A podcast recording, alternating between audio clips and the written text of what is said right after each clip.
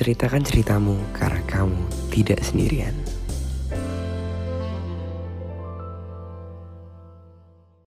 Hai, gue mau menceritakan kisah yang cukup membuat gue tertekan di beberapa tahun ke belakang ini. Gue dua bersaudara, adik gue perempuan. Sebenarnya semua berawal dari gue masih kecil. Tapi gue gak menyadari ini. Gue dari kecil selalu mendapatkan perilaku kasar dari bokap gue. Gue sering banget dipukulin sama bokap pas dia lagi marah.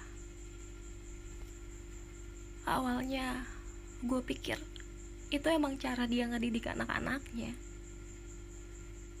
Namanya juga anak kecil jadi ya ya aja. Nurut aja digituin dan diem aja pas habis dipukulin. Tapi ternyata dari kecil sampai sekarang masih aja gue sering dipukulin sama bokap. Padahal gue gak pernah tuh pulang malam-malam dari zaman gue SMP sampai SMA gue bener-bener dibesarkan dengan kekerasan. Bahkan sampai sekarang pun gue masih sering dapat perlakuan itu. Gue pernah dilemparin kipas angin dipukul pakai raket. Sampai sepaha gue itu biru. Dan setelah dia lakuin itu ya dia biasa aja kayak pelong gitu. Kayak amarahnya udah tersalurkan. Lama kelamaan gue mulai muak sama cara bokap yang selalu kasar itu akhirnya gue mulai berani ngelawan pas gue dipukulin Dan setahun lalu, gue dan adek gue ngeliat bokap mulai tambah aneh gerak-geriknya. Bokap udah gak kerja lagi, jadi nyokap gue buka usaha gitu. Buka kios sembako di pasar. Pas tahun lalu, bokap gue jalanin pengobatan dalam gara-gara dia sakit-sakitan hampir dua bulan. Sebulan penyembuhan, nyokap gue jagain bokap sekitar dua mingguan. Setelah itu nyokap udah mulai ke pasar lagi mantau kios. Pas posisi gue lagi di Jakarta nyokap gue telepon ngabarin kalau ada temen cewek bokap tiga orang cewek main ke rumah.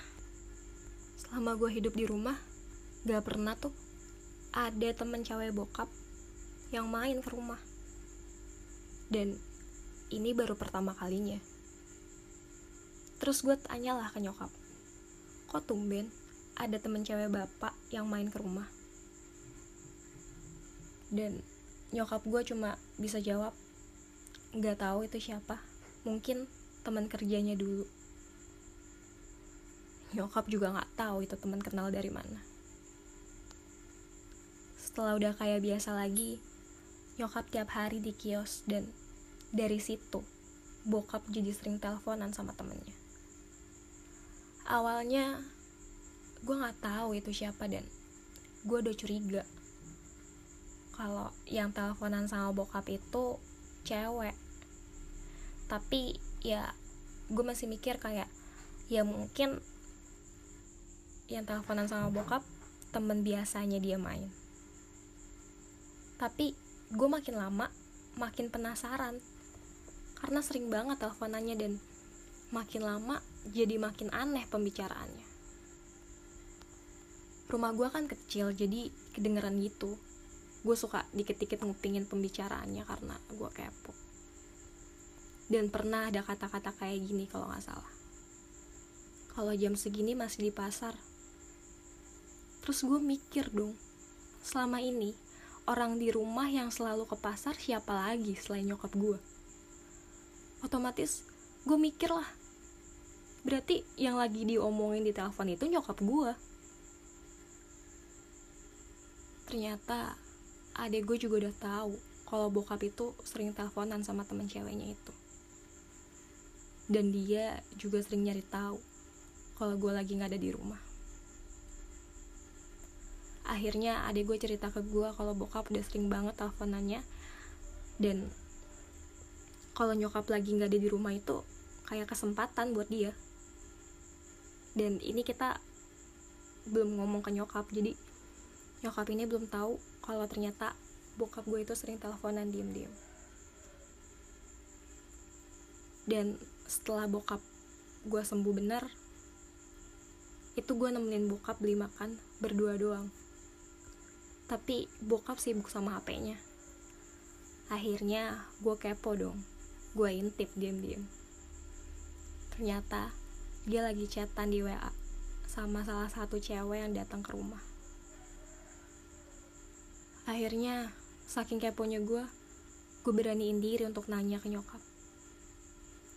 Nyokap cuma jawab oh itu mah yang jenguk. Nah dari situ mungkin nyokap curiga karena gue nanyain gitu. Sedangkan gue aja gak pernah ketemu orangnya.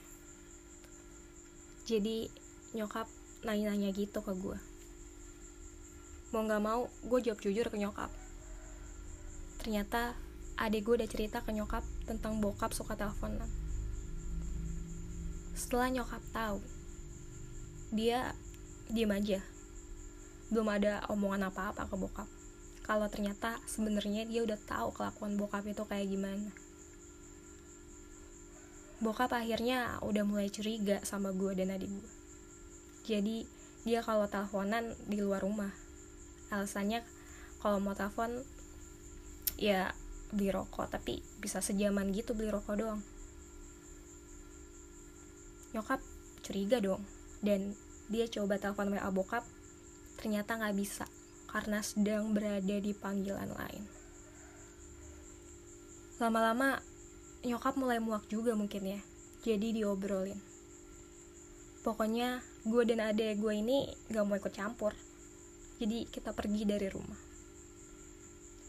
Eh ternyata adiknya bokap tahu kelakuan bokap gue itu. Tapi bukan sama orang yang biasa teleponan sama bokap, bukan orang yang kita tahu yang ada bokap tahu itu ternyata sama mantannya bokap.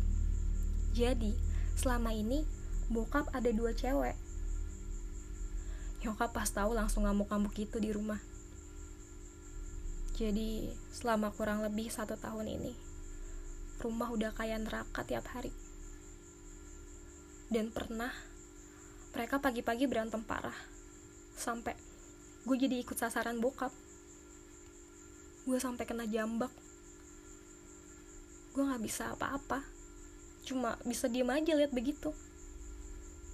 Terus bokap ngomong bapak yakin mama sama bapak kamu ini udah nggak bisa bareng lagi?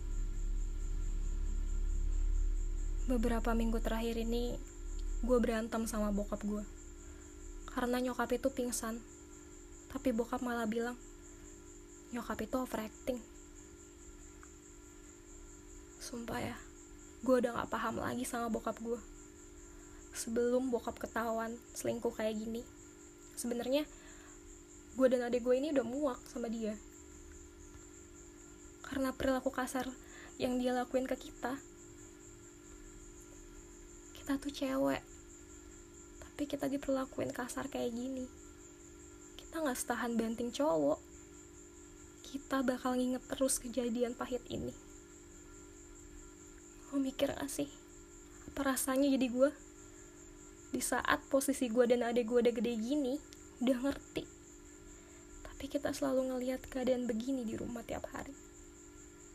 Tapi kita nggak bisa ngelakuin apa-apa. Sedih rasanya.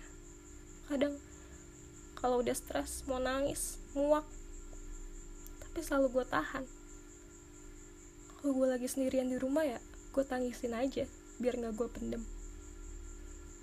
Setidaknya nangis hanya jalan satu-satunya untuk gue ngelampiasin semua ini